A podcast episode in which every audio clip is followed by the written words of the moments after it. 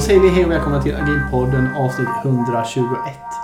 Agila Anti-Patterns eh, med gäst som vi snart ska introducera. Innan det ska vi bara ta och tacka.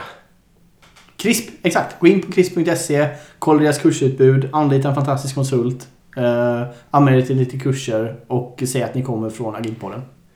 Du var inte med på min snygga överlämning där. Så lite sömnig. Han har fått kaffe precis. Nej, men som sagt, tack så jättemycket till CRISP för att ni gör podden möjlig. Verkligen. Idag har vi med oss Peter Bernhardsson. Välkommen. Tack så mycket. Vem är du?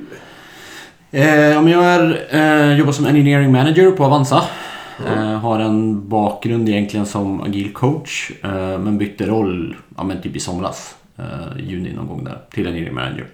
Men innan det har jag jobbat som coach i vad blir det, åtta år kanske. Eller något sånt. Eh, som agil coach. Eh, på både ja, men lite så mindre techbolag. Eh, Scale-ups och en stor bank och enterprisebolag också för den delen. Eh, Men har varit på Avanza sedan vad blir det, januari 2019, så typ drygt tre, ja, tre och ett halvt, fyra snart Mm. år. Ja, kul. Och du har ju då utarbetat en, eller ja, det finns ju en definition såg vi av eh, agila antipat, eller antipatterns i alla fall. Men du har eh, dokumenterat ett antal sådana här och är lite av en expert på antipatterns. Ja, men det får man hoppas. Eh, Exakt. Hur hur är bakgrunden till varför började ni dokumentera det här? Nej men det var väl egentligen, ursprungligen var det att, ja men som coach så har jag jobbat med många team liksom. Och liksom över tiden så har man ju också sett att, men så här, det är ganska vanligt, alltså det är oftast återkommande saker som blir i teamen och problem som dyker upp. Eh, så när vi började prata om det här på, när jag jobbade på Avanza också kring vårt Scrum som vi hade så blev det också ganska naturligt att man så här, vi pratade om det var ungefär samma problem som återkom. Eh, så då blev det ganska naturligt att vi ja, men bara skapade någon typ av liksom, bruttolista på så här, vad har ni för problem som brukar dyka upp. Eh, och sen att vi jobbade lite grann mer om så här, men hur löser man dem då. Så att det skulle finnas lite mer så handfast kanske kring om det här dyker upp, vad gör man och så. Just det. Jag ska vi börja med att säga då vad ett... Eller ja, det här får, ni får väl ha era egna definitioner. Men den som eh, många verkar hålla sig till då är, tror jag, att det är en eh, respons. En dålig respons på ett problem som man har i teamet. Eh, Stämmer det eller? Mm. Ja men verkligen. Det är ju, alltså, man kan ju se det som någon typ av beteende som i teamen som är skadligt eller som inte är liksom konstruktivt eller produktivt. Eh, och som kanske motverkar det man vill uppnå. Så om man tänker att man vill vara ett, ett agilt team eh, så är ju då ett vad blir det, agilt antipattern någonting som motverkar det agila i så fall. Eh, så. Just det, precis. Och det här är ju grejer, ni kommer säkert känna igen en del grejer också från, och jag känner ju också igen det för jag har också jobbat i ganska många utvecklingsteam nu och man ser ju som du säger att det är ganska ofta återkommande problem som de flesta team av någon anledning fastnar i. Mm. Så vi ska väl ta och beta igenom, det är ett gäng. Ja men Hur många verkligen. är det? 25, 30? lite, lite för många. Se om vi hinner med alla. Visa, 25. 26 stycken tror jag du har på din lista. Och sen har Erik lagt till tre. Varav en, eh, en surprise också. Som det skulle ta jättelång tid att förklara. Den tar vi sist. Så lyssnarna får ta tålamodsbilder här sen. Ja. Eh, och du hade eventuellt en annan formulering av en av Eriks också. Alltså du Peter. hade en Ja, annan just det, formulering. precis. Mm. Ehm, så vi får se lite hur det här är. Vi, vi, vi, vi kör då. Vi, kanske fastnar en kortare tid på vissa och längre på andra. Ehm, ja, men vi börjar från toppen här. I så fall svartarbete. Mm. Nej, men det är väl egentligen eh, någonting som upplevt där till exempel om en produktägare inte riktigt prioriterar kanske teknisk skuld eh, för ett team. Aha. Att man fokuserar väldigt Okej. mycket på att bygga produkt eller affärsvärde. Eh, så tenderar ibland utvecklarna till att jobba med grejer vid sidan av utan att säga någonting. Eh, och då blir det också eh, och så undrar man så här, varför händer ingenting med produktutvecklingen? Ja, men det är för att de faktiskt egentligen sitter och gör någonting annat. Fast på tavlan så syns det inte. Eh, och så pratar man liksom egentligen om någonting annat. Nej, det kan man Här, här kan man hamna riktigt fel. Och då är det lätt. För här har jag sett då, då är risken att Ja men okej, vi måste ha två boards. En för produktutveckling och en för precis. teknisk. Ja, ja, men det är ju ja, klassiker. Den har jag ofta varit med om i. Den har börjat försvinna faktiskt där jag jobbar. Men det var mycket så förut. Ja. Ibland kan man också ha en tredje med UX som man har riktigt otur. Just det. Alla får en varsin tavla. Ja. Det finns Perfekt. kanske ett syskon till den som är sidoarbete. Vad är skillnaden på, eller vad är det då? Vad är skillnaden mot svartarbete så att säga? Ja, men jag tänker att sidarbete är väl, och det återigen är min definition, men att man... Eh, eh, svartarbete pratar man inte om. Sidarbete kanske är sånt som eh, man inte har planerat in. Eller just det. som liksom, grejer som kommer in från sidan. Som man säger, det här, ska vi verkligen göra det här? Så här tar det här oss närmare vårt mål? Nej. Men vi gör det ändå av någon konstig anledning. Ja. För att någon säger att det är viktigt eller det är bråttom. Eh, och så jobbar man med det istället. Så man får liksom aldrig fokusera på det som är relevant. Eh, eller viktigt. Så. Sen sidarbete vill, vill jag ha in på ett sätt. För det är Mm. också en... eh, Det omblockar många grejer i en organisation. För det kan Ja, ju vara att vi sitter och jobbar på någonting och så kommer vi på oj. Vi måste prata med den här tjänsten där borta. Mm. Och då vill man ju inte fastna i det att ja, men vi har haft vår planering och kör vår två veckors nu så nu får vi vänta. Utan man vill ju ha en viss sån procent. Men det, det viktiga är väl egentligen att allt visualiseras och är transparent. Att Mm. det kommer upp som diskussion då liksom. Ja. Att både svartarbetet och sidarbetet Mm. egentligen. Att det kommer upp. Eh, en bra idé, konkret tips då, tycker jag. Det är att ha en inbox-kolumn i på din standup-board. Mm. Och så bara, där skriver man verkligen in allt sånt. Mm. Det kan vara en fråga du fått på Slack eller Teams eller vad du nu använder. Eller från ett annat team och sådär. Och sen diskuterar man, ska vi göra det här nu? Ska vi göra det överhuvudtaget? Mm. Och sen återkoppla som team på den liksom. Mm. Att man inte som individ sitter och löser de där sakerna vid sidan av. Nej, och då kan det väl vara, märker man att sidoarbetet är en halv story point eller något, så får man väl slänga ut något eller tänka sig jobba lite övertid eller ja, hur man nu Ja. jobbar liksom. Och det kan väl vara okej i så fall. Mm. Ehm, för lite kompetensutveckling. Ja, men det är väl också en så här grej som jag tycker brukar dyka upp ibland att man pratar inom teamet i så här, ja men vi hinner inte lägga någon tid på att lära oss någonting. Eh, eller att man inte, vi har Hos oss så kör vi ju så här fokustid eller innovationstid beroende på vad man kallar det för. Liksom. Men någon typ av slacktid där du kan ja, men göra som man vill. Eh, vissa team har fyra timmar i veckan, andra kör åtta timmar varannan vecka. Eh, men det vanligaste upplever jag är att team säger att man inte tar sig den tiden. Att man liksom jobbar med det. Och, så här, och då blir det där med liksom, att man upplever inte någon typ av kompetensutveckling som Ja, men, och det är någonting som vi vill göra, det är någonting som vi uppmuntrar till att göra men man gör det ändå inte. Eh, och det är väl då det blir för lite av kompetensutveckling. Det glömde jag ju säga också att om ni har det, alltså vill ha lite mer att göra när ni lyssnar på det här då kan ni ta ett A4-blad och så ritar ni upp en 6x6 en bingobricka. Och så skriver ni de här eh, i, i de här rutorna då och så kryssar ni för dem som ni själva tycker att ert team har.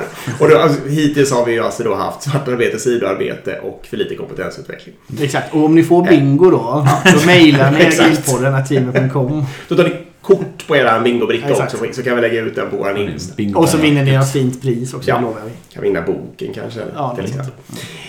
Eller en Eh, kram kanske. Det beror på hur många som Ja, får bingo. Ehm, ja, men de första som skickar in vinner boken i alla fall. Motivationsbrist. Mm. Ja, men det är väl också lite grann så här man märker på att folk, eh, ja men lite så här, vad heter det, zombie stand-up till exempel. Eller att man slashar sig in på ett möte eller liksom inte så här, känner sig jättetaggad på, eh, på arbetet man ska göra. Eh, och det är ju inte heller bra för man, alltså liksom mycket i det agila om man pratar om det här med att man vill bygga, eh, men bygga projekt på motiverade medarbetare men liksom att man så här, har den som i åtanke liksom. Eh, och sen så att folk eh, ändå känner sig ja, men uttråkad eller inte motiverad av det arbete man gör och att man inte heller tar tag i det. Utan att man fortsätter och känner att så här, ja, men vi måste göra det här eh, och så, så är folk inte så sugna på det liksom. Och så går det saktare och saktare. och Ja men och precis, att det blir sämre och sämre och så kanske man börjar så här inrätta, ja varför går det så långsamt och så börjar man Ja. inrätta kontrollinstanser för att det går så långsamt och så. Och så blir det ändå mindre motivation. Ja men precis, blir man ännu mindre taggad liksom. Ja. Att det är någon sån negativ loop i det där. Så, Mm. som kan uppstå. Hur motverkar man det då? Men det är väl dels så här prata om vad man motiveras av tänker jag. Alltså så här, det är väl åt, eller jag tror många av de här är ju så här, alltså prata om det i teamet. Liksom. Snacka om det och så här, försöka förstå varandra. Så här, bygga empati för vad är det som, så här, varför är man inte motiverad och vad motiveras man av? Eh, ja, men vad heter det? Moving motivators finns ju som övning man kan köra. Eh, bara så här, prata om, och det blir mer på kanske en högre nivå, liksom vad man motiveras av som individ. Men bara så här, den typen av grejer eh, upplever jag är ganska viktigt. Att för någon kanske status eller liksom progress eller att vi når några mål är superviktigt. Men för någon annan kanske liksom den sociala aspekten eller lärdomen är någonting som man eh, tar med sig istället. Liksom. Och, och, och försöka hitta det, eh, tänker jag är väl det, det viktiga om man upplever att man är där som team. Liksom. Sen tycker jag också att man måste... eh, För, för om man har en lite större utvecklingsorganisation så kommer inte 100% vara motiverade alltid. Nej, det, det är en precis. omöjlighet. Mm. Det spelar ingen roll hur kul projekten jag jobbar på. Mm. Utan det Nej, kan ju det vara något privata anledningar eller det kan vara att man som individ bara jag tycker inte den här eh, migrationen till den här nya interna plattformen är kul. Mm. Men det kommer ta sex månader liksom. Mm. Eh, Så det är på något sätt också acceptans för det och Mm. möjlighet till rotation internt och så vidare. Mm. Ja, sådana saker kan vara med. Det är så att jag också tänkte på att det måste vara möjligt för folk att, att hitta nytt Mm. internt på ett enkelt sätt. För det är ju verkligen ett sätt att öka motivationen. Liksom. Mm. Dålig koll på kapacitet. Ja men det är väl, eh, skulle jag säga, klassikern om man framförallt jobbar inom Scrum med, som sprintar liksom. Och det är nästan alltid, skulle jag säga, framförallt om man är ett nytt team som jobbar i Scrum, eh, så har man väldigt dålig koll på hur mycket klarar man av på en sprint. Eh, och liksom, det vanligaste är väl att man bara lastar in jättemycket, så superoptimistiska, bara yes nu kör vi. Eh, och sen så, ja, så, så efter liksom två veckor så bara har man klarat kanske 10% av det man åtog sig. Och sen så använder man kommande tre sprinterna typ till att försöka beta av det man faktiskt... Plus att man också lägger på lite mer liksom. Eh, som man skulle göra från början. Va? Ja, säg Erik. Nej, det här är ett kärt ämne för mig. Ja.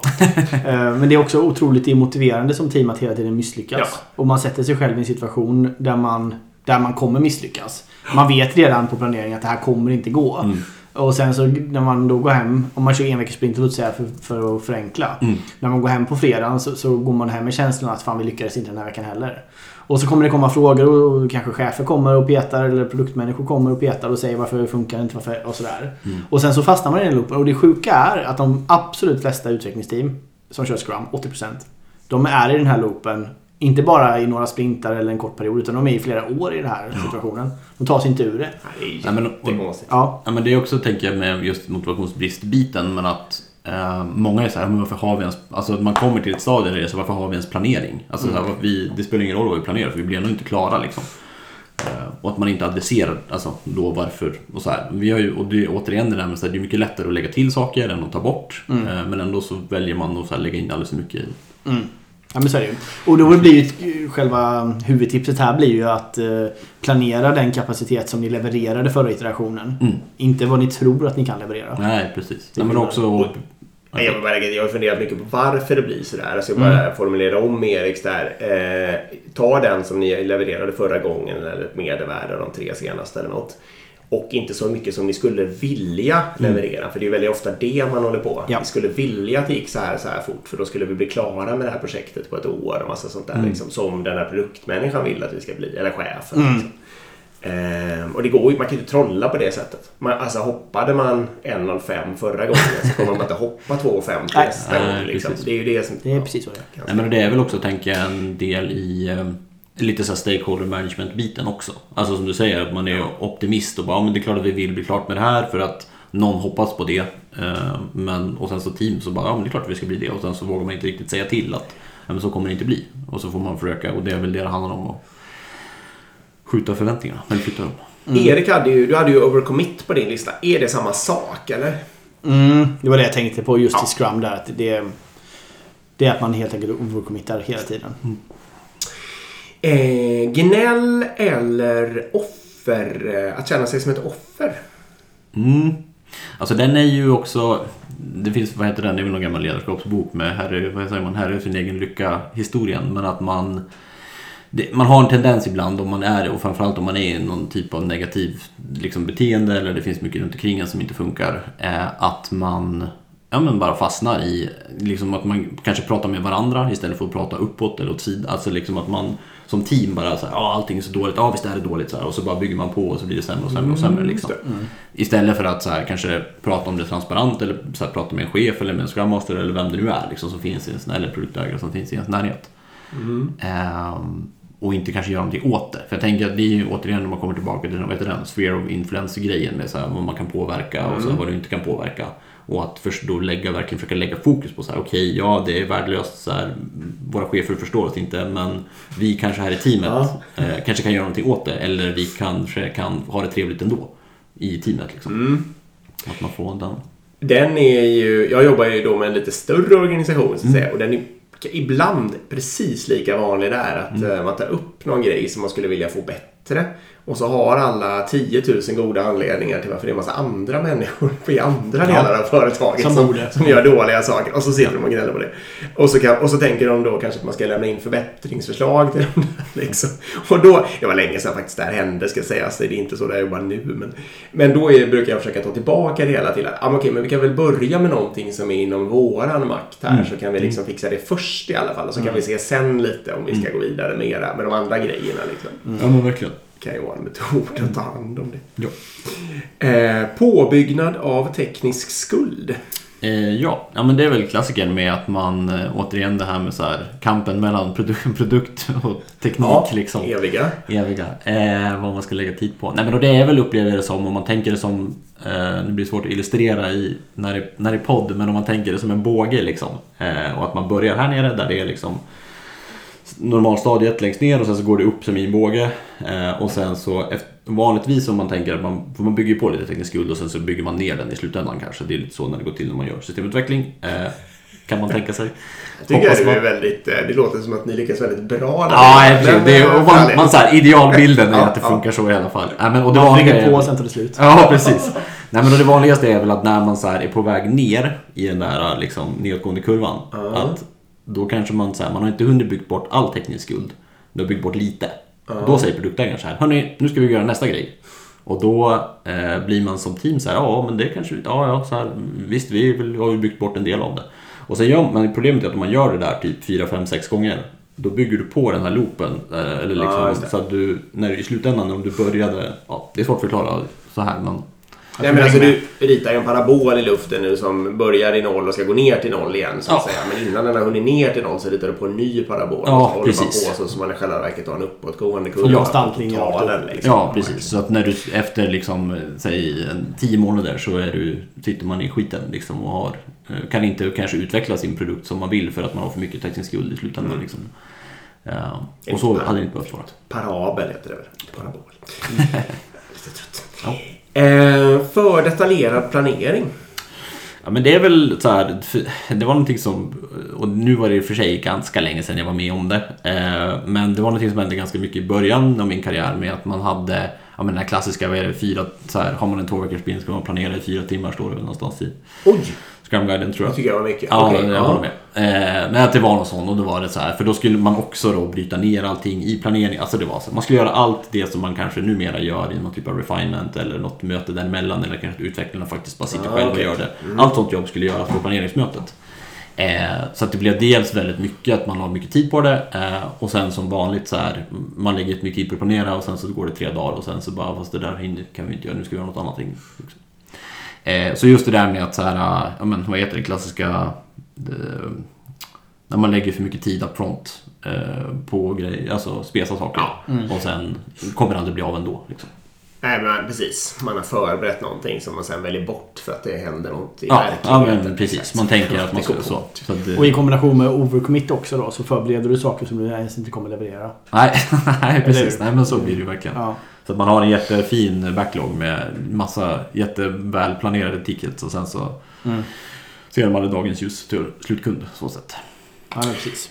Jag tror vi har en, ett syskon till den kanske. För Mm. mycket estimering. Ja men det är väl också så här, det är väl också vida, vad säger man, eh, känt att det är svårt att estimera. Eh, och att oftast den estimering man gör kanske inte alltid stämmer. Eh, Men jag vet inte, men du menar kanske att man, om man jobbar med och får jätte, jättebra estimering så kommer man fastna där jätte, jättelänge och sen så visar det sig att den är alldeles fel i alla fall. För man skulle behöva Ja, bygga innan man precis. skaffade sig en lärdom. liksom. Ja men verkligen, att, precis. Man har ju en, en tendens till att säga ja men det här är ju värd si och så många story points eller den här t-shirt-storleken eller vad man nu pratar om. Eh, och då är det också lätt att hamna i någon typ av så här, ja vad bra nu har vi koll på hur mycket vi ska göra och sen så börjar man jobba och sen inser man också efter tre dagar när man faktiskt har börjat jobba med det här att så här, men det här var ju asmycket och Ja. jättestort. Så här, det här kommer ju inte hinna klart. Det här är ju 100 poäng istället för 5 liksom. Eh, och det känns ju inte då har man lagt också mycket tid på någonting som kanske inte ger så mycket värde egentligen. Liksom. Och det är ju också den här klassiska att estimering är superlätt att påverka. Alltså om man har en spes som är en sida eller om du har en spes som är tre sidor. Men det är samma information i spesen så tar den spesen som är tre sidor eh, kanske fyra gånger längre att göra enligt utvecklare än om den är en sida. För att så här, ja, men tre sidor är ju mer information än en sida.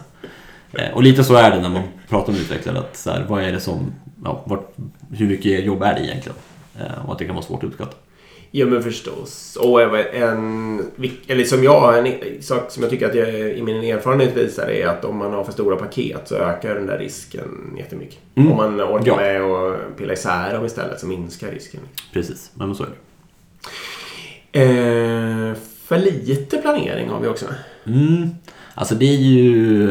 Um, nu kör vi. Det, ja, men det, blir, det är när man cowboysar lite väl mycket kanske. Ja. Eh, som händer ibland. Eh, och det är ju... Nej, men det, är väl, det beror lite på hur man ser det. Eh, jag tror att det där beror också lite på vilken typ av team man är. Vissa team vill, alltså där behövs det ju struktur och kanske att man ändå har en tydlig plan vad man ska göra och sådär beroende på vilka personer som är i teamet. Eh, Medan i andra team så kanske det är okej okay att cowboysa lite mer. Eh, men jag kan också uppleva att eh, framförallt om man har i samma team individer som behöver struktur och du cowboysar, för att du kanske säger att du har två av varje. Liksom. Du har två utvecklare som tycker det är fine och tar saker som det kommer och sen har du två som behöver lite mer struktur. Så upplever jag ändå att det blir vad ska man säga, mer slitningar åt, alltså att så här, de, alltså det är jobbigare för de som behöver struktur att inte ha struktur än vad det skulle vara för de som inte behöver struktur att ha struktur. Mm. Om du förstår hur jag tänker. Mm, typ så. Absolut. Eh, och då kan just det där vara ett problem att man, så här, ja, men man kör 20 minuter på så här, men vi ska hitta, det här ska vi göra den här veckan. Eh, de här fem ticketsarna, liksom, vad tror ni om mm. dem? Ja, det ser bra ut. Toppen, yes, då hörs vi. Och så kör man liksom. Eh, så. Mm. Nej, det kan vara värt att tänka på. Absolut. Sen om man eh, måste välja att börja från ett håll med för mycket eller för lite planering så skulle jag ändå vilja börja med för lite. Ja, och sen lägga så är det ju absolut. För då hittar man behovet liksom. Ja, och det är ju verkligen, och det tycker jag gäller egentligen allt när det kommer till hur man jobbar med teamen. Men det här med, eh, vad heter det? Att det handlar inte om vilken process man har utan om hur man alltså jobb, alltså förbättra sin process är mm. det viktiga. För det upplever jag också att team har en tendens till, och det kanske inte ens har med är, men just det här med att man har en övertro på att när man är ny som team också så här, nu måste vi bestämma vilken process vi ska ha. Mm. Så hur ska vi jobba? Så bara, ja fast det kanske vi kan komma på längs vägen. Mm. För att vi kommer att behöva utvärdera. Nej men vi behöver, och så lägger man typ två heldagar mm. på att definiera. Skriva ett way of working. Ja men precis, mm. way of working och liksom working agreements och den typen. Vilket är bra i vissa fall. Ja, ja. Men att det också, finns också någon återgräns, eller så här, när, så good enough på hur mycket tid ska man lägga ner på att prata om någonting som man ändå kommer behöva riva upp och revidera. Mm. Uh, så jag brukar ändå försöka att man bara, vi kan börja jobba med någonting och se hur det går. Uh, innan vi börjar prata om hur vi ska jobba med det. Men det är också så här, upp till olika personer vad man föredrar. Mm. Precis, men egentligen är det inte om man ska börja med mycket eller lite då. Eller det är ju viktigt att börja med för lite på det viset. Men det är ja. viktigt att möta de mänskliga behoven hos de människorna som behöver mer planering genom att de får flagga ja. om det har blivit alldeles för lite och så får man bara låta det krypa upp tills deras mänskliga behov är uppfyllda mm. så att de känner en trygghet och börjar jobba. Det är ju lite ja. det det Ja, men precis. Hitta ramarna liksom som behövs för Ja, det håller jag med om. Mm. Eh, brist på rutin. Ja, men det där är väl också så här... Äh, det är också återigen, det kan vara ganska upp till så olika individer egentligen i teamen, men att i vissa team så är man superstrikt och har scheman för allting och man har liksom så här, vad heter det, schedulers i Slack som pingar med workflows som ska göras och det är så här man har brutit ner det på att när man gör, om man gör regtest som vi gör i vissa team hos oss, med, eller de flesta team gör väl det. Men regtest av det man har, så här manuell regtestning, då är det så här eh, i vissa team så är det att man har gjort det innan liksom, klockan 10 en tisdag för att man har det som inbyggt i sitt team. Liksom. Andra team så kan det vara så här, ja men eh, säg att det ska vara klart på onsdag klockan två. Eh, då kanske team visar onsdag klockan ett, bara, har vi regntestat eller var någon som vet om vi har gjort det eller inte? Och det brukar vara så här, ja jo, det, jo men jag gjorde det lite grann häromdagen, så här, ja jag har kollat på det där. Och den typen av så här vissa saker som man kanske bara vill, alltså hygienfaktorer som ska vara mm. på plats för, för att bara ska kunna flyta på. Har man ändå inte lyckats liksom, inkorporera i sitt arbete. Just det, du menar ju verkligen brist på rutiner eller vad ja, man ska säga? Ja, men, nej, precis. Ja, nej, precis. Förlåt. Det är bra, mm. verkligen. Precis. Bra förtydligat. Det är så jag tänker. Mm. Och, äh, men den är bra. Ingen eh, VIP-limit. Och VIP, det vet kanske alla, men det är work in progress då. Att man sätter eh, en begränsning till mängden på, pågående arbete. Ja. ja, och det är ju inget krav egentligen. Alltså det är inte att man måste ha en VIP-limit, men det som jag upplever är väl att Eh, En del team har ja, men ganska svårt för så här, hur mycket ska man ha igång samtidigt? Eh, Så här, är det okej att en utvecklare har tre tickets i ongoing samtidigt? Ja, kanske, fast troligtvis inte. Liksom. Nej, så här, troligtvis så funkar inte det så bra för den Nej, personen. det. Eh, och då kanske man ska hitta något sätt att göra det på. Eh, och där VIP då är ju oftast liksom ett bra Ja. sätt att Få upp det till eh, ytan. och få prata om det, Ja. om inte annat. I att så här, men varför Eh, Och sen också, men så här, och det blir också ganska effektivt upplever som om man har det på flera olika steg i att man kan säga, men varför gör ni inte så här, det som ligger här borta i test före ni faktiskt utvecklar någonting nytt liksom. Eh, Plus att det främjar ju ofta eh, samarbete också. Ja, ja men verkligen. Ja, men det är väl också något så här, för det är en klassiker med vad ska man ha för VIP då? Eh, Ett. ja, precis. Ett är ju Ja, det ska man alltid. är, ju- är ju den bästa. Ja. Men om man vill utmana den så skulle man kunna tänka eh, antal utvecklade minus en till exempel. Ja, jag brukar Eh, köra delat på två. Men... Ja, men det kan man också göra. Så har man alltid något incitament för att para eller motprogrammera. Ja, exakt. sådär. Att folk behöver samarbeta. Ja. Ibland så går det av sig själv, men Eh, förutom att det främjar samarbete, alltså får ni säga en fördel till som eh, VIP-limmet har? Att det speedar på flödet. Ja, ja, det gör det absolut också. Ja, det, det ju på flödet. Och det gör ju att problemen kommer upp till ytan skulle jag säga. Mm. För nästan alltid om man tillåter en hög VIP-limit då heter argumentationen heter sånt här i stil med att eh, om det blir väntetider Mm. och eh, DBA har inte tid och sånt där. Liksom. Mm. Men det, vad det, det egentligen betyder är ju att det är för få DBA eller att de inte kan prioritera om snabbt nog eller något sånt där. Men det, så brukar det inte uttryckas så ingen brukar fixa fler DBA. Liksom. Men om man har bra för något. Ja, VIP-limmat där. Då får man ju upp det problemet Mm. till ytan och kanske löser det. Förlåt, vad skulle du Nej, vad DBA är för något. en databasadministratör Jaha. till exempel. Alltså, eller vad det kan vara vad som helst. Men han in, jag tänkte på någon sån där specialist som Ja, sitter någon annanstans. ja. Som man liksom inte kommer åt riktigt. Mm. Man kanske inte har några DBA längre när man är i mål. Det var ett ga- gammalt dåligt exempel. Nej, jag har inte stött på det. Så. Nej. Nej. Jag är inte så gammal heller. Ehm, nej men precis, det är ju superbra. Nu ska vi se, sidarbete hade vi tagit. Mm. Eh, mötesfrånvaro. Ja, men det är väl en... Och den är väl inte jättevanlig kanske. Men, och det kanske går in lite i den där motiv- motivationsgrejen som vi snackade om innan. Men jag har ändå varit i några team där ja, men utvecklare bara inte dyker upp på möten. Eh, och man är lite så här, men varför kommer inte du? Ja, men jag har varit med om att folk inte kommer på retron ibland så här för teamet. Och varför kommer du inte dit? Nej, men jag känner inte att jag får ut någonting av det. Nähä. Eh, tror du att teamet får ut någonting av att du är där? Ja, kanske. Så här, att man kan prata om problem. Och kanske gå dit och prata om varför du inte vill gå till retron. skulle kunna vara en grej liksom. Eh, Men det är typiskt sån sak. Men jag tror att den är kanske den är lite kopplad till motivationsbiten. Men, eh, men det är, också, det- är väl också en så här, äh, återigen ett tecken på någonting som man kanske borde prata om i teamet. Alltså att så här, om du inte vill gå på ett möte Istället för att bara här, prata om det så går man inte dit. Alltså mer att det är inte så konstruktivt att bara inte dyka upp. Utan det kanske är bättre att prata om anledningen till det. I så fall. Ja. Ganska... eh, ett av de lättare problemen skulle jag säga av de här. Ja, För, för det är också en sån här typisk grej som en chef tar tag i. Alltså för det är väldigt konkret. Jo. Liksom, för det Ja, förväntas verkligen. ändå. Då blir det så här, men varför, Ja. varför gör du inte det? Eller okej, måste vi göra någon förändring här och så Mm. vidare. Nej, Eh, Så det brukar inte vara ett så här varaktigt eh, problem som jag ser i team över längre tid. Utan Nej. det kanske sker en period och sen tar man tag i det på något sätt. Ja men liksom. verkligen. Ja och det kan ju också vara apropå som vi pratade om innan med intern rotation eller alltså man kanske inte trivs i det teamet Nej, men eller exakt. vad det handlar om. Att man behöver göra någon sån förändring liksom. I Ja. Jag tycker nog, men det här kanske är mer på en lite större organisation igen, men jag tycker nog att om folk inte går på möten och man orkar med och har koll på det. Mm. Då kan man ju begripa. Jag tycker inte att problemet är ju inte att folk inte går på möten utan det är troligtvis något fel på möten. Ja men så är det ju verk- verkligen. Och det är ju... Troligtvis då antingen att de är för långa eller för ointressanta. Det brukar vara de starkaste kandidaterna. Men för jag har ju varit med om att, man, eh, att folk inte kommer på möten och sen så heter det då att hur ska vi... Vi måste berätta att det är obligatoriskt. Vi måste tvinga dit dem. Vi måste kolla vilka som inte kommer. Nej, Och så vidare. Det funkar inte. Och då brukar jag liksom försöka, nej, eller det kanske funkar för att få folk till mötena men det löser inte problemet med att mötena Nej. är för långa eller för dåliga. Eh, så då brukar jag liksom, ja men okej, men är det, är det deras fel? Alltså vad är det, det kanske är något som vi har skapat i miljön kring det här. Till exempel att det, innehållet är för ointressant eller att vi håller på för länge då. Eh, och då brukar folk bara, ja okej, du menar så. Och sen så brukar jag förespråka att man inte ska tvinga folk överhuvudtaget utan försöka göra något som gör att de vill gå dit. Ja Liksom. men verkligen.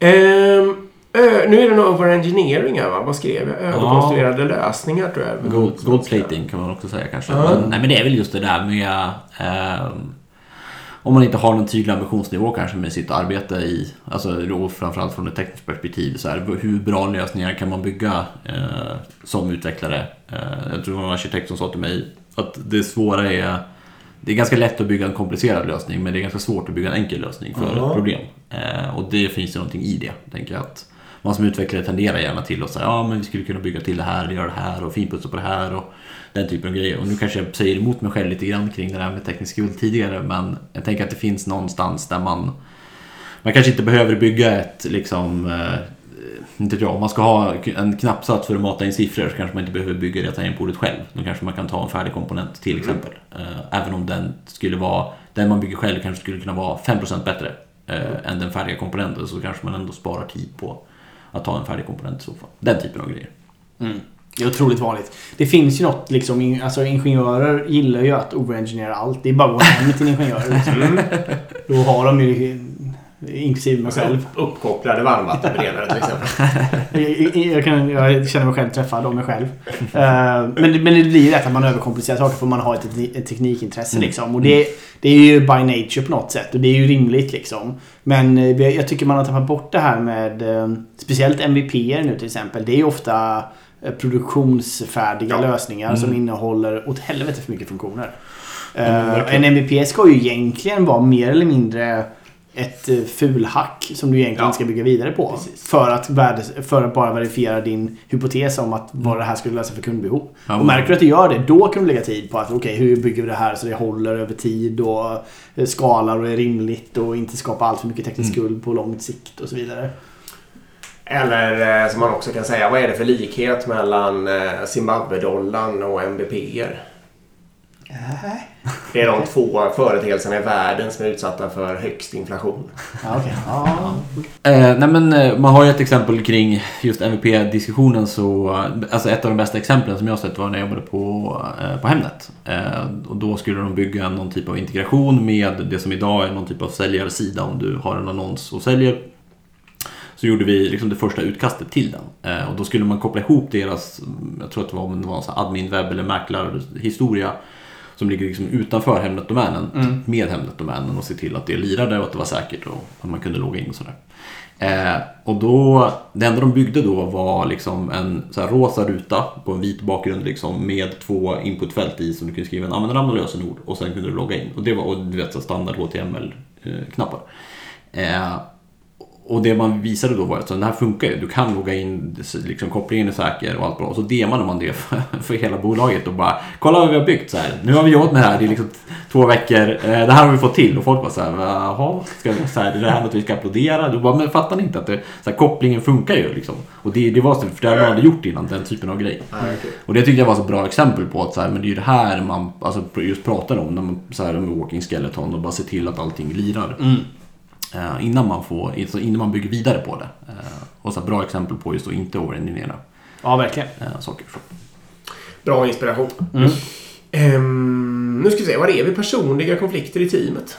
Ja, precis. Och det är väl, det är väl också så här på samma lite, ja i och för sig. Jag tänkte, Vanligt. Ja, men jag tänkte säga att det är en grej som löses fort med hjälp av chefen. Men det är det kanske inte alltid heller. Det kan vara, bli infekterat. Och det är väl också tror jag när man särskiljer på om man pratar om de här, vad heter det, teamdynamiksfaserna med eh, Norming, Ja, storming men och sådär. precis, Mm. forming, storming.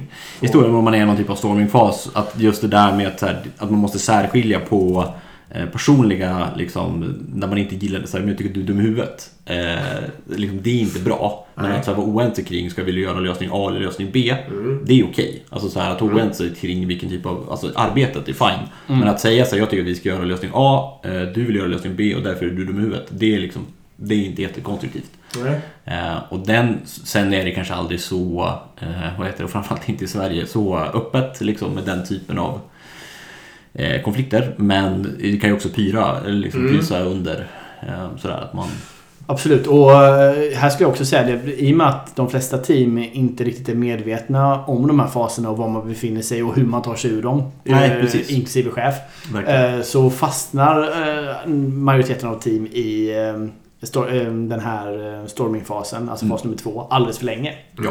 Och det gör att de här konflikterna eh, som man eh, behöver ha för att komma vidare de pågår för lång tid. Och då blir det ofta liksom att man sårar varandra för djupt. Ja. Och då kommer man aldrig vidare för det blir liksom för stora konflikter.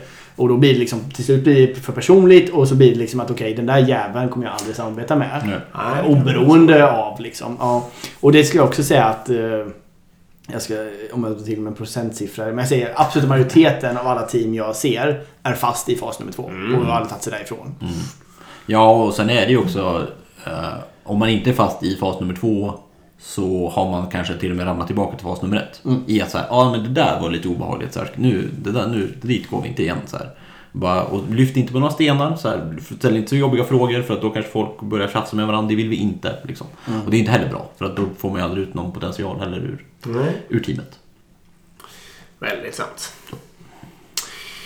Nu ska vi se, nu ska vi vandra vidare in på lite olika mätningar här. Till exempel eh, om man mäter fel saker som påverkar teamet. Mm.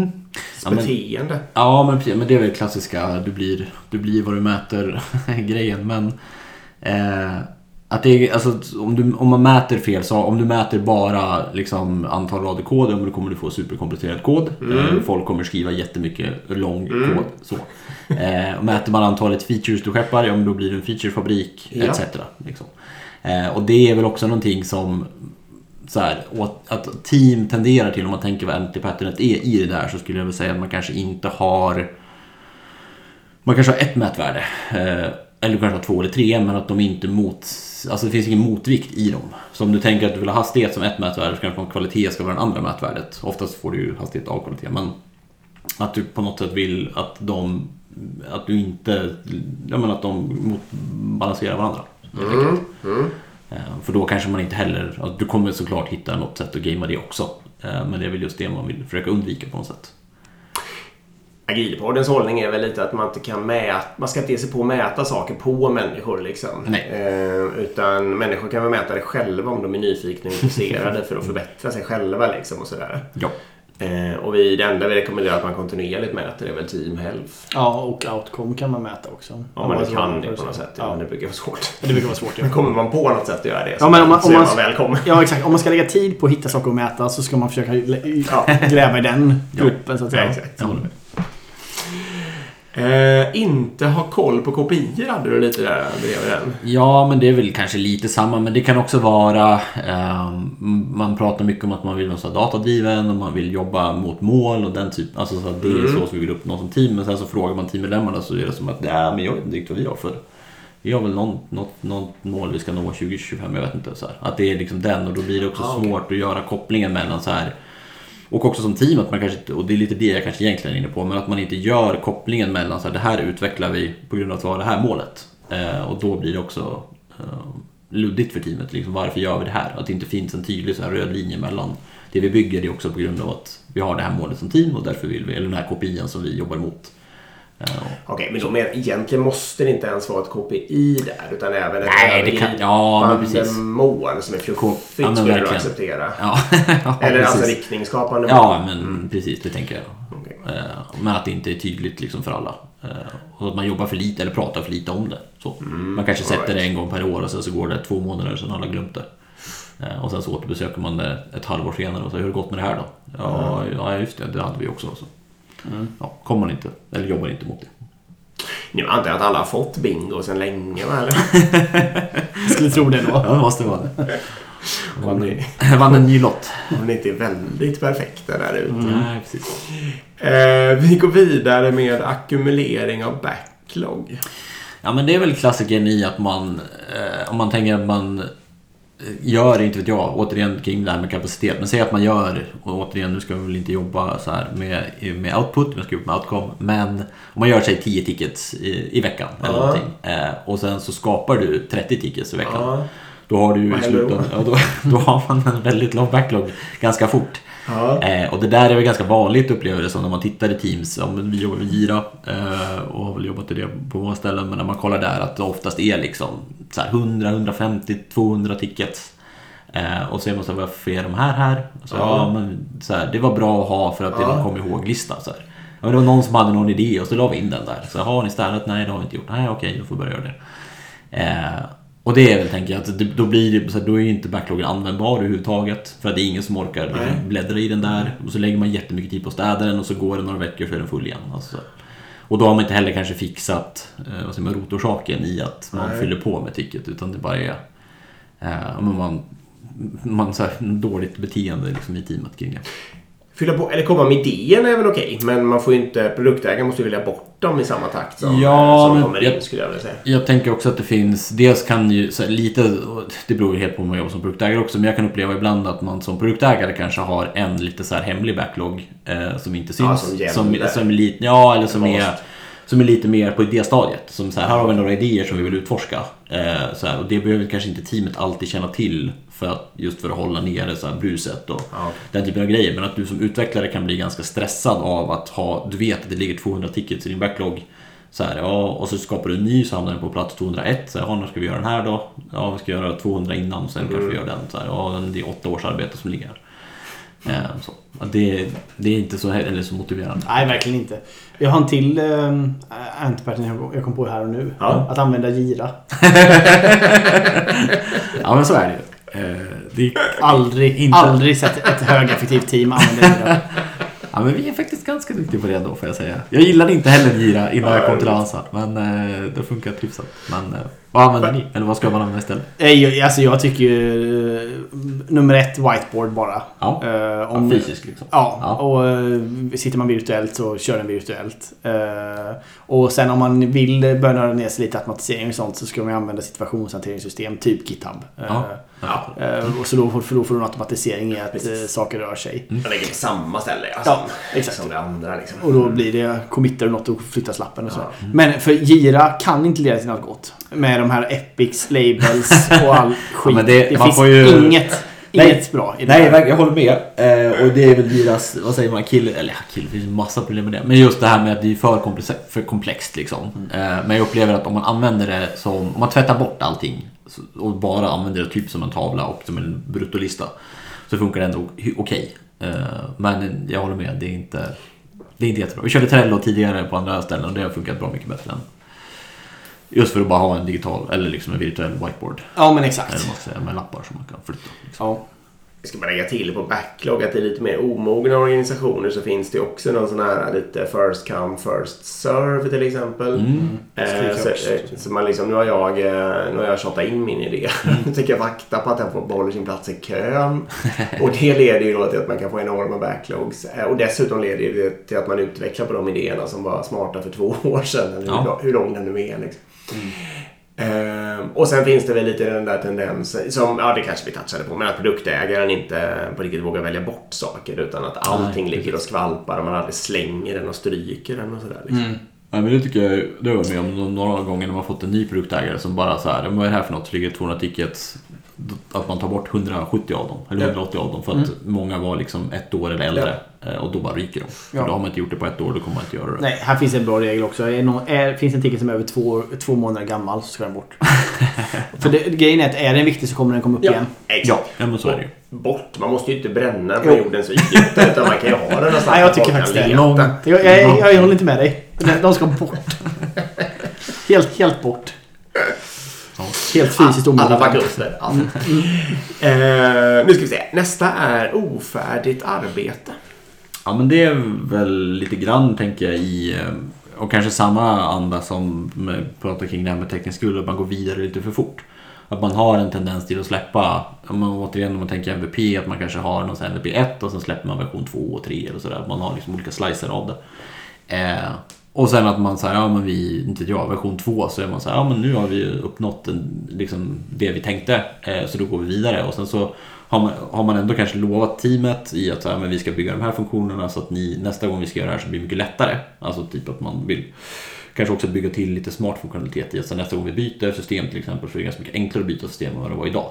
Mer än att bara byta systemet till exempel. Eh, men att man bara inte gör det.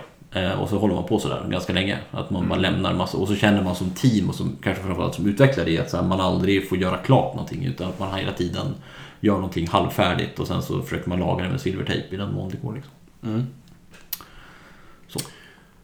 Det är ingen, blir inte bra. Nej. Nej. Eh, om de, man har steg i processen som inte genererar värde. Ja, här skojade vi om QA tidigare. Ja. Eh, och det stämmer väl till viss del ibland. Alltså det är klart det ska testas, eh, men man kanske inte behöver ha det som ett separat steg. Jag tänker att testa kanske man gör när man utvecklar någonting. Ja. Förhoppningsvis skriver man väl kanske också tester för det så att man inte ens behöver lägga så mycket hand, manuell handpåläggning på det. Eh, nej men och sen tänker jag det är väl lite grann eh, så här, vad heter det, eh, vissa fall om man har man kan också verifiera inför prod till exempel, att man lägger saker på hög och så ska det verifieras eh, innan det går ut i prod. Eh, för att se till att det lirar i någon typ av verifieringsmiljö. Så här, men då kanske man... Det, nej precis, du, ska, du skakar på huvudet och det är liksom... Det känns ju kanske inte heller så effektivt. Alltså om man tänker så, då kanske man också ska titta på så här, varför har vi det steget? Ja, men det är för att vi inte litar på den liksom, miljön som vi har, eller våra tester funkar liksom flaky. Så därför måste vi verifiera det. Så här, ja, men då kanske ni har andra så här, Ja. rotorsak återigen. Liksom. Och det här, vi måste bara slå hål på den eh, med verifieringsmiljö. Att den miljön är ju så olik. Det är lite som att testa liksom Okej nu ska vi testa och, och måla om ett hus. Då målar vi om ett trähus för sen ska vi gå och måla om ett betonghus liksom. Ja. Det är lite det som är problemet. Det är inte alls samma sak. Det har Nej. inte den lasten. Det har inte överhuvudtaget liksom Det är datat är oftast fel. Ja. Alltså, det är mycket sånt. Det är mycket gamla grejer. Och då, då är problemet att då lägger du all din tid istället på att försöka fixa miljön. Så att den ska Mm. vara någon Ja. li, liknande Ja. produktion. Liksom. Och du måste kopiera över databas och så vidare. Mm. Och du ska säkerställa att det är någorlunda lika.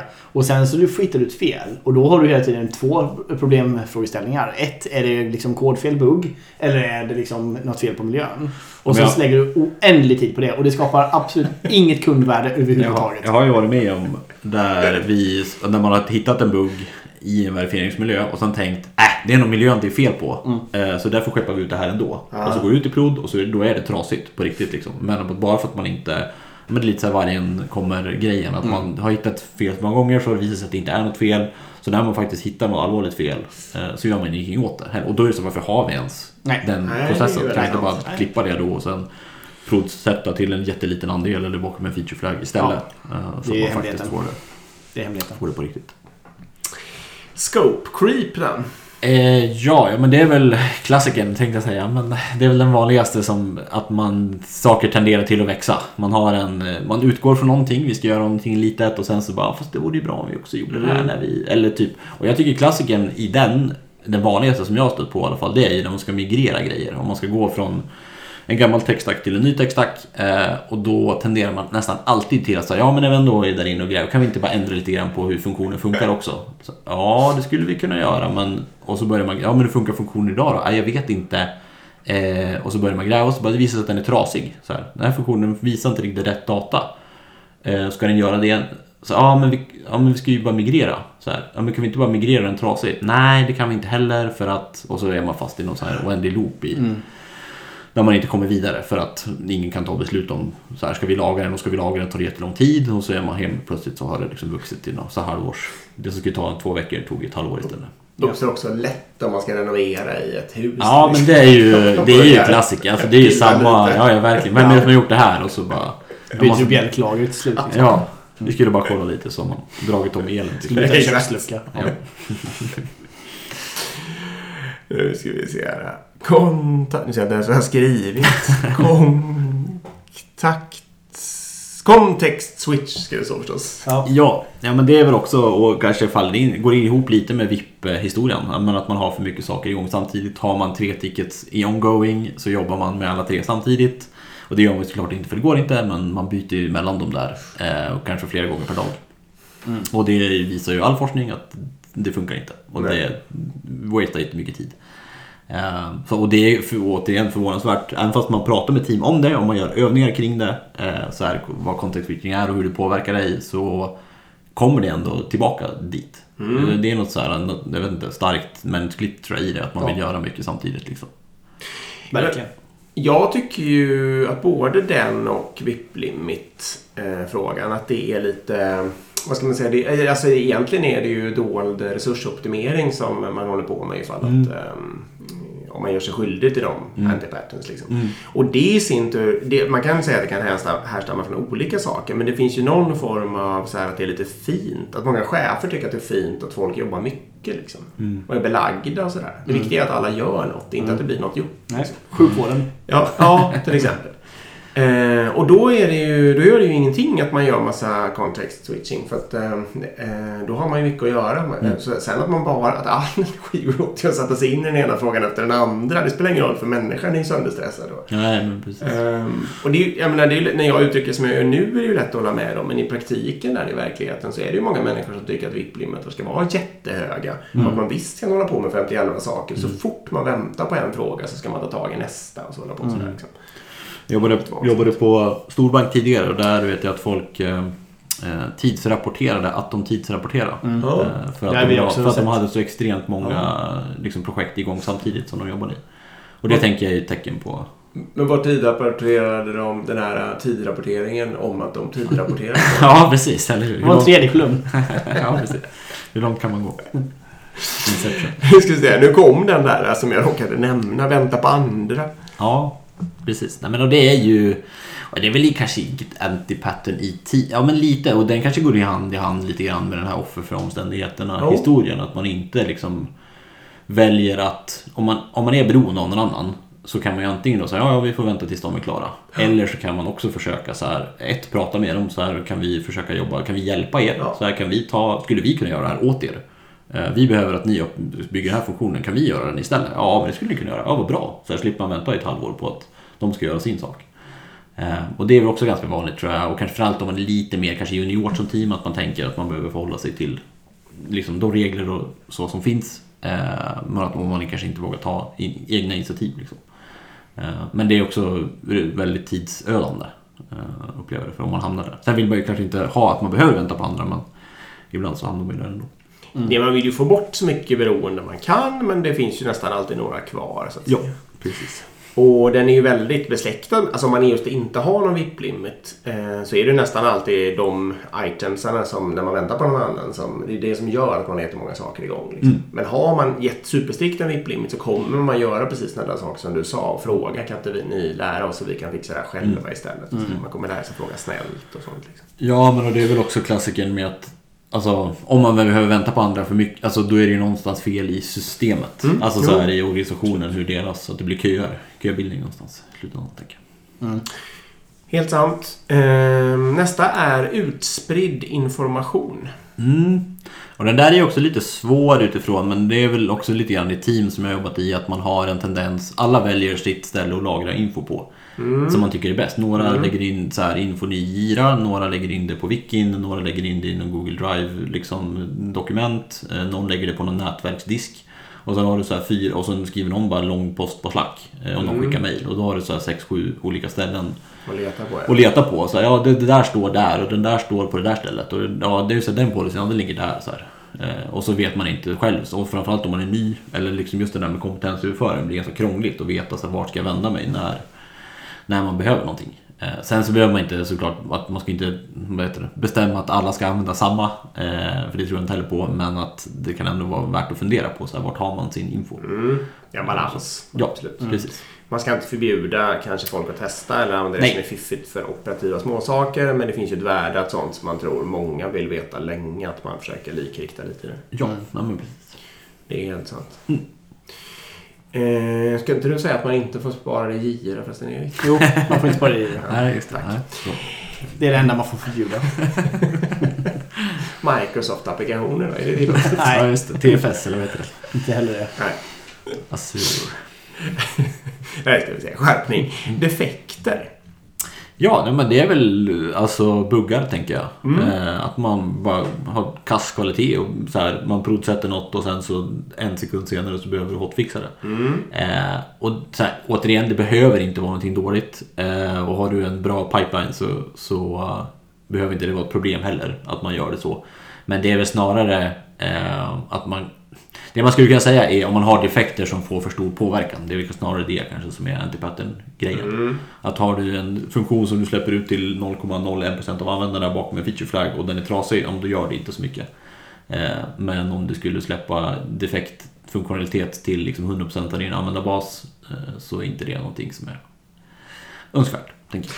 Jag kan nog om jag får lägga till eller bara sådär så tänker jag att man kanske kan släppa defekter till stora användarmängder. Men, och det, om det är sällan och man kan fixa det väldigt fort. Ja, men precis. Ja, men verkligen. När, när det på riktigt blir ett antipattern, det tycker jag kanske är om de eh, hopar Alltså om de helt plötsligt tar eh, jättemycket stor... Alltså halva nästa sprint det går till att fixa Ja, det. Precis. Ja, verkligen att det blir, liksom. precis, och, verkligen. Och det är väl kanske det också att, att det du gjorde säg, i sprinten innan, det blir merarbete för dig i sprinten Ja. efter. Liksom. Och det är ju inte heller något önskvärt scenario. Men- Eh, så. Om man då och då tokar till det, alltså hoppsan hejsan och så fixar man det på 10 minuter Ja. rakt ut i produktion. Liksom, då, ja, det beror men på vad man gör i och för sig. Men, De, eh, det finns ju en bok som heter vet du, Accelerate. Där de pratar om just det där med ja, men så här, vad heter det? defekt eh, ratio typ på den koden man släpper ut. Så här, hur Mm. mycket av den koden du släpper ut behöver du patcha? Eh, Och då tror jag att det är så här, om det är 0 till 10 procent, eh, då är man en high performer i det. Mm. Liksom, och det är Mm. ganska lagom så här, mängd. Att, ja, men 10 procent av det du släpper ut under det, då är det, det är okej. Mm. Liksom. Men har man någonstans över det så behöver man nog se över hur man jobbar. Nu tror jag vi har tagit alla dina original. eh, Mm. De, de heter inte exakt så här för det var jag, vi har ju antecknat av dem. Men eh, jag tror det. Så nu har ni förhoppningsvis fått bingo. Så nu går vi över på Annars kommer tilläggsnumren i... Ja, exakt. Här kommer tilläggsnumren. lilla lista här också. Här räcker det att träffa in Eh, en och- så får man bingo direkt. Och på commit så har vi ju, det är vi har faktiskt. Ja. Men Ja. eh, output istället för outcome hade du med på din lista Ja, Erik. och den tror jag egentligen inte vi behöver djupdyka i för det har vi pratat om ganska mycket. Ja. Men det är ju lite den här feature-fabriken. Ja. Att man bara pumpar ut nya saker och så Mm. mäter man inte hur det används. Nej. Och så optimerar man bara på att leverera nya saker hela tiden. Det är därför backloggar ser ut som de gör och det är därför produktteam ofta inte är så bra som de borde vara. Och teknisk skuld blir ju skyhög för att om man har jättemånga saker som ingen använder så måste de i alla fall underhållas på Ja, något sätt. Och komplexiteten blir Ja. helt... Ja. Liksom. Ungefär. Precis. Eh, men det är väldigt sant. Och eh, Peter, du nämnde att inte följa upp leverans. Det är ju syskon också kanske lite. Ja, men det är väl lite samma att man eh, just firar, firar framgång istället för lärdom på något sätt. Alltså att man verkligen så här fokuserar på nu har vi gjort- släppt den här funktionen, hurra, så här, vad bra. Och bara, "Ja, men är det någon som använder den? I don't know. Eh, och så kollar man inte ens upp det. Och kanske inte kollar heller i liksom under en längre period så används den. Eh, jag tror Netflix har väl så här att att det är, um, om det är 25% eller någonting av, av användarbasen som ska använda en funktion inom, om det är två gånger på en månad. Jag, kommer inte, jag kan inte siffrorna exakt är de något har satt en gräns. Ja men det finns ändå, man har tydlig så här market penetration på liksom användarbasen i att så här, när vi släpper en ny funktionalitet, ja, men då ska 25% använda den minst två gånger eh, inom en månad. Så här. Ja, men då, har vi ändå, då finns det någonting där att bygga vidare på. Eh, och, och det tänker jag så här, fler bolag kanske borde titta på överlag istället för att bara släppa ut saker och sen hoppas på att eh, så här, jo, men det här blir väl bra. Och Eh, så. annars tar de bort det ändå, eller? Ja, precis. just det. Så det, och det, vet att och de experimenterar ju ganska mycket med det. Nu kommer jag inte ihåg vad han heter, men han som var eh, vice produktchef eller något innan. Eh, har ju kört några så här webinars kring det där. Eh, som tidigare produktchef där på Netflix. Och har pratat om det. Men att och då snackade de om det här, han, i det så snackade han om det här med att man kan eh, kolla på content snabbare. Eh, och då sa han att så här, det håller de på att testa just nu i typ Nya Zeeland så här, som en marknad. Så. Mm. så att om ni kommer se att det rullar ut, då har det varit ett lyckat experiment. Eh, och gör ni inte det, då, har de tagit, då sket de i det. Liksom. Och det kom ju också typ ett halvår senare. Ja. Eh, så de har ju någonting där som, som de Ja, testar. ja, ja, ja. Men det är spännande. Hur lik din eh, observation också Erik att, eh, vilka det nu var, Meta, det var kanske Instagram var det kanske hade ett ta bort-team. Ja, just det. ja, ett team som sniffar runt och und- antagligen AB tittade på, eller kanske bara kollade användningen helt enkelt. Mm. Ja. Och de, de, jag tror de kör någon form av holdback-grej så de tog bort helt enkelt vissa funktioner för vissa. Mhm. Och så kollade de om, om det hade någon påverkan. Mm. Och hade det inte det så... Fick de vara borta. Då, då, då, då Ja, vad spännande. Ja, det, verkligen, det borde man ju ha. Och framförallt tror jag kanske bolag som har funnits länge. Alltså, vi har ju pratat lite om det hos oss på Avanza. I att så här, så här, vad används hos oss egentligen? Eh, och har man stenkoll på det? Kanske inte alltid. Eh, man, alltså, så här, man har ju en, en hum om det såklart. Eh, Men skulle man kunna ha ännu bättre koll på det? Eh, och vad skulle man kunna plocka bort? Så här, om man skulle börja om idag, vad skulle man bygga då? Mm. Om vi bara skulle så utgå från eh, core-kärnan Mm. liksom, i det. Hur skulle den se ut? Allt ni vet liksom. Ja, Ja, men verkligen. ja, För det är ju verkligen det. För när man byggde ju det där, och man har ju byggt på det i 20 år. De har chansat Och lite. har man liksom. ja men lite så. Och nu har man ju samlat på sig extremt mycket kunskap. Mm. Eh, Och då skulle man ju säkert göra, hade man fått börja om så hade man nog byggt det annorlunda. Kan jag tänka mig. Så. Förstås. Ja, men nu ska vi väl ta den sista här då. Det blir ju Eriks hemliga då. Ja, just det. Han har ju, han har ju lovat att den här, Äntligen. den här går ju inte att förklara under två minuter. Folk har suttit här i en timme och lidit. Så nu kommer en, en utläggning här. Jag ska hålla koll på tiden. Ja, jag har inte hunnit tänka på det så mycket men okej. Eh, min antipattern, det är, eh, det är kanske chefsbeteende mer då. Men det är just att okej, man har kompetens i ett team. Låt säga att man bara gör back-end fronten eller någonting då. Och så har man någon som vill utvecklas och eh, göra mm, mobilutveckling. iOS-utveckling låt säga. Eh, och då, då, då säger liksom teamet, nej men det, den här kompetensen behöver inte det här teamet. Så därför borde inte du gå och göra den kompetensutvecklingen. Mm. Det är en antipattern i sig. Och jag vet inte om... Ja, precis. Säg det med ett ord. Jaha! Ja, men det är ju, du hade den ju. Det är ju kompetensblockering. Va? Ja, du hade ju är för inte- lite ja, kompetensutveckling. men det är men det här är ju eh, out of scope kompetensutveckling. Alltså Ja. är det att förbjuda eh, innovativ kompetensutveckling. Ja, skulle kanske... Och då blir det, det finns ju på flera steg. Första steget är ju teamet då. Mm. Och då, subup, då blir det ju suboptimering. För då säger man nej för man tänker på teamets bästa. Men då, Mm. man måste tänka på företagets bästa. Mm. Men då kan, där finns ju nästa nivå då att företaget kanske inte ens håller Mm. på med... Nästa affärsidé. Nej, nej precis. Mm. Eller, kan man missa. Exakt, men de kanske inte ens håller på med Redis caching Nej. eller någonting. Så då tycker man varför ska du gå en kurs med det liksom? Eh, men det är också dumt. Mm. Ja. Mm. För det här är också eh, jättevanligt varför folk slutar. Mm. För att de inte kan Nej, kompetensutvecklas. Jag brukar också tänka, för ibland vill ju folk göra något, alltså så här de vill studera konst och trädgårdsodling och Ja. sånt där. Liksom. Och det är klart att det, då finansierar vi ju inte det liksom så. Men jag brukar ju ändå vara positiv till tjänstledighet och testa det och kom tillbaka om du vill och så Mm. vidare. Liksom. För rätt vad det är så får man ju någon sån där, alltså att man får en, mer, en, en fantastisk människa som blir mer innovativ men ändå vill komma tillbaka och skriva kod kanske. Ja, Exakt. Mm. Och bara fördelar. Exakt, och har lärt sig någonting. Eh, ja, nu ska vi se. Nu tror jag vi har rivit av dem faktiskt. Mm. Eh, ja, en fråga som man skulle kunna ställa. Bara, tycker ni att eh, antipattern har en negativ klang och att det är ett farligt ord?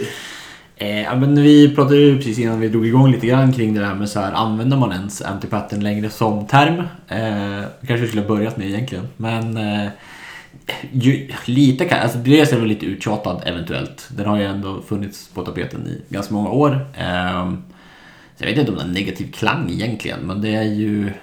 Eh, alltså inte som term. liksom. Så. Ja, Ja, precis. jag tycker det är ett bra ord. Ja. Jag har fått lärt mig mer idag vad det betyder. Jag- Absolut. Och så som, för jag tror att eh, om ni nu springer till ett utvecklingsteam som ni kanske inte har så mycket förtroende för eller ni har, ni har inte jobbat med dem så mycket. Och sen och kryssar ni och kryssar och kryssar och sen skriker ni bingo! Exakt. Ja, förlåt, fortsätt. Ja men ungefär så. Eller, eller ta upp alla de här som det här är saker. Det, det, det, det kan ju vara lite tufft då. Så Mm. jag tror att så som i alla fall vi brukar sälja in det tror jag. Det brukar vara så här att okej, vår erfarenhet säger av att ha tittat på 50 eller hur många nu utvecklingsteam vi har jobbat i över åren liksom. Mm. Eh, Så brukar det, det här är de vanligaste lärdomarna eller misstagen Mm. man gör. Mm. Det är lite mer ödmjukt sätt att sälja in det på Mm. än att Ja. säga att det är en anti-pattern som Mm. så. Så det kan ju vara tips då. Att Ja, man säger så men- här, de här grejerna brukar vi se. Och sen ska man säga det, okej, kan ni identifiera några av de här sakerna som ni skulle kunna förbättra? Mm. Mm. Det är lite mer ödmjukt sätt kanske. Ja. ja, men och det tycker jag är en jättebra aspekt att så här, våga prata om de här sakerna i teamet. Alltså Mm. med teamet. I att så här, inte, kanske inte prata runt dem eller ovanför dem eller utanför dem utan prata med dem. Så här, kring vad har, upplever ni de här problemen? Så här, ja, men det gör vi kanske. Exakt. Och man kan ju ta alla de här då vi pratar om idag och sen så kan man ju rösta på dem och så kan man säga vilka, vilka eh, oberoende om hur svaga eller starka de är, men vilka är topp 5? Mm. Som vårt team troligen håller på med Mm. i någon form av grad. Det kanske är super severe liksom att det här gör vi all in. Eller det här kanske vi touchar på ibland liksom.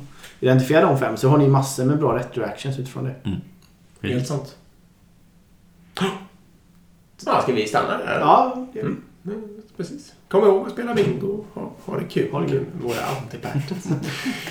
och så, eh, ja vi ska komma ihåg att tacka Crisp så jättemycket för att ni är med oss och gör podden möjlig. Eh, Vill du plugga för något eller letar du folk eller något? Ja, precis. Nej, det är bra så tänkte jag säga. Men eh, eh, Go Avanza får man väl säga. Ja. ja, det får du verkligen säga. Fantastisk produkt. Jag använder den dagligen nästan. Kul. Uh, ja, precis. Tack till Crisp. Och vill ni oss någonting så finns vi på agilpodden.gmail.com eller agilpodden på Instagram. Mm. Och så kan ni finna både mig och Dick på LinkedIn. Och, Och första person som skickar in sin bingobricka vinner ju eh, Agile for Business. eller en kram. Man får välja. Ja. Bra. Snyggt. Tack för att du kom också. Ja, tack så mycket. Hej. Hej.